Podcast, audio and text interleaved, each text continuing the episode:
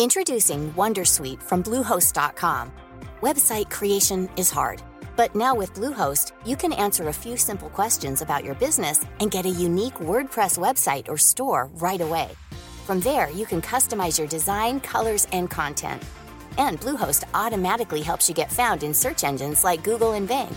From step-by-step guidance to suggested plugins, Bluehost makes WordPress wonderful for everyone. Go to bluehost.com/wondersuite.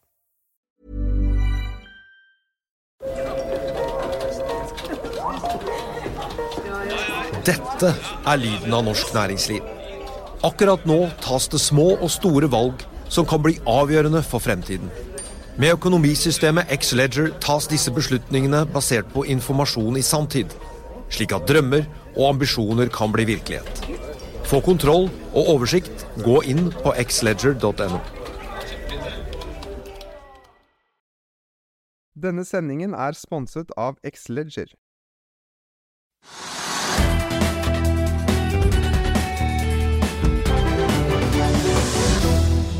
Vi skal en tur innom Pareto-konferansen, der vi traff på Yaras eh, Svein Tore Holsæter. Det ble en prat om valget, nye gigantinvesteringer og ikke minst høye gass- og matvarepriser. Bare se her. Da står jeg her med konsernsjef i Yara, Svein Tore Holsæter. Du har akkurat eh, kommet deg av eh, scenen. Eh, jeg tenkte vi skulle begynne, for du er jo også NHO-president, så jeg tenkte vi skulle begynne med den hatten, og så kan vi ta Yara-hatten etterpå. Ja. Vi har akkurat hatt et stortingsvalg. Det ser ut til å bli godt flertall for en, en ny rød-grønn regjering med Senterpartiet, SV og Arbeiderpartiet. Så får vi jo se hva de, de blir enige om i forhandlingene. Men som NHO-president, hva tenker du om resultatet, og hva slags forventninger har du til denne nye regjeringen? Ja, Først vil jeg jo gratulere eh, rød-grønn side med et eh, godt eh, valg. Og også gi sterk kudos til Erna Solberg og hennes regjering for den jobben de har gjort gjennom en veldig krevende periode med både med pandemi og et volatilt marked. Eh, og så er jo de nå i, forhandlinger fra, fra, NHO sin eh, side, så, så jobber jo vi godt med, med, alle. Og vi har en eh, klar vei fremover i forhold til næringslivsutvikling, de spennende mulighetene som ligger nå i det grønne skiftet, og selvfølgelig altså, trepartssamarbeidet, som er et veldig sterkt fundament som vi har i, i Norge å bygge videre på. Det vil fortsette med full styrke. Så Ole Erik Almlid, NHO-sjefen, var ute og sa at han forventer at dere får liksom, innspill i disse forhandlingene. Hva er det dere ønsker å spille inn? Hva er liksom det viktigste denne regjeringen eh, må gjøre for eh, næringslivet nå? Her inne har, jo, har, det blitt snakket mye om eh, grønn omstilling og store nye industriprosjekter.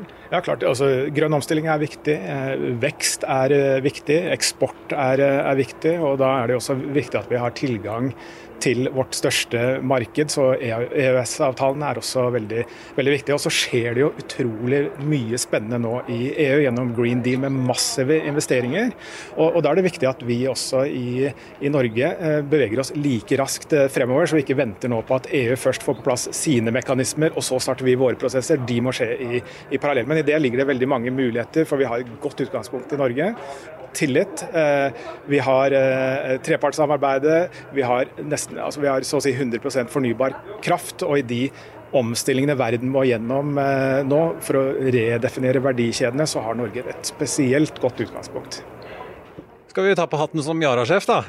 For jeg må spørre deg, Hvordan ser liksom utsikten ut for dere nå? Vi ser jo veldig høye gasspriser. så Selskaper som Equinor og selvfølgelig da norske staten raker jo inn penger. Svir det litt for dere? Altså, gass er jo en uh, stor uh, del av vår uh, råvarekostnad.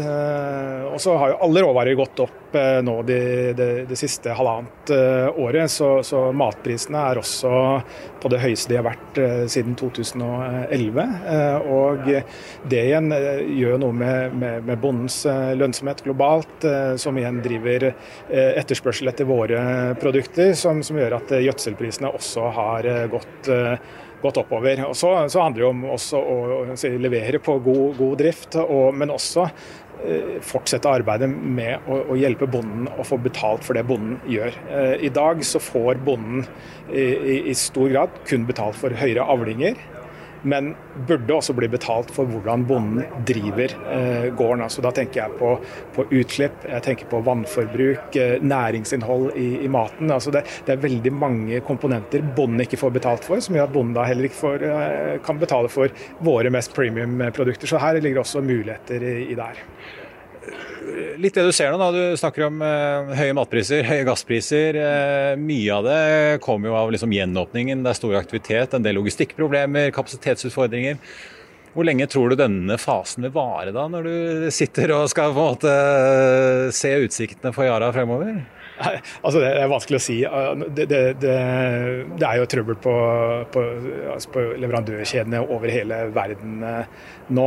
Eh, men hvis vi tenker på det langsiktige i forhold til eh, mat, så er det en utvikling som, som bare må, må, fortsette, sånn at bonden får betalt riktig. Matindustrien står for 30% av verdens klimagass utslipp. Eh, det finnes teknologier for å redusere det veldig. De største matselskapene har nå gått ut med, med eh, mål om å komme ned på netto nullutslipp. Og det endrer de verdikjedene fra eh, å starte etter gården til at man må se hva som skjer ute i åkeren. og da kommer jo kanskje det nye ammoniakkprosjektet deres elegant inn, som uh, istedenfor å gå på naturgass, skal gå på uh, ren hydrogen fra elektrolyse? Ja, og det er det som er så interessant, at hvis man ser hele verdikjeder, så er den altså den kostnadsøkningen som det vil være ved å produsere eh, utslippsfritt gjødsel ut til sluttkunde, er minimale. Men for oss eh, i kostnad å produsere, så er det en stor økning. For bonden så er det en for stor økning, så vi må se hele verdikjeden. Mens vi ser hele verdikjeden, så er det veldig små økninger som skal til. Og det er absolutt eh, mulig å gjøre. Og det kan finansieres med at man tar bort noen av de skjulte kostnadene ved matsystemet. Dere er jo i gang med å utvikle ja, vi kan vel nesten kalle det et pionerprosjekt med, med ren eh, ammoniakk som brukes i kunstgjødsel på Herøya. Eh, men her inne var du jo opptatt av at eh, det, altså det du kaller first mover disadvantage. Altså at man har en uh, ulempe med at man tar mye av de oppstarts- og teknologikostnadene i starten som ja, kanskje konkurrenter da kan dra nytte av senere. Eh, men jeg ser jo Kjetil Hauge i Folketrygdfondet sa jo også her man, eh, ja, det var kanskje en god idé at politikerne støtter det, men man kan ikke drive veldedighet. Hva tenker du om det? Nei, Jeg ber heller ikke om veldedighet mulighet. Så, fordi det må være et, et business case som ligger i bunnen på at det her er et, en, en, lønnsom investering for, for oss. Eh, så er det sånn at det prosjektet i seg selv er like stort som all installert kapasitet på elektrolyse i verden i dag. Så da vil jo det også drive en, eh, en, en skala for elektrolysørindustrien som alle andre vil nyte godt av. Eh, så, så det, altså Jeg ber ikke om en first mover advantage, men la oss si at vi i hvert fall er nøytrale i det. Sånn at det er en overgangsordning som, som hjelper de som beveger seg først og skaper skala og skaper markedene for det. Og så vil jo det her være lønnsomt over tid tid. Men, men, men noe må gå først. Vi, eh, det, vi, har det prosjektet Hegra sammen med Aker og Statkraft som er mest utviklet. Hvor vi har kompetansen, vi har infrastruktur og kan bevege oss raskt. Ja. Til slutt, eh, hvorfor, altså Vi ser jo andre ammoniakkprosjekter, eh, som f.eks. Horisont Energi i Finnmark. Skal, har jo også planer. Hvorfor akkurat ditt prosjekt versus andre, hvis politikerne må prioritere her?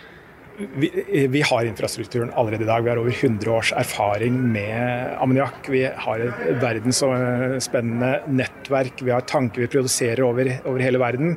Så, så, og her er det hastverk også. Vi, vi, hørte det fra FNs klimapanel. Nå er det Code Red for eh, humanity. Og den eneste måten å klare å nå målet er å gjøre storskala prosjekter. og det er det vi har, så, så piloter er ikke nok. Men det er plass til flere prosjekter globalt, men, men hvis vi skal gjøre det raskt og stort, så er det vårt prosjekt. Svein Tore Holsæter Eara, takk skal du ha.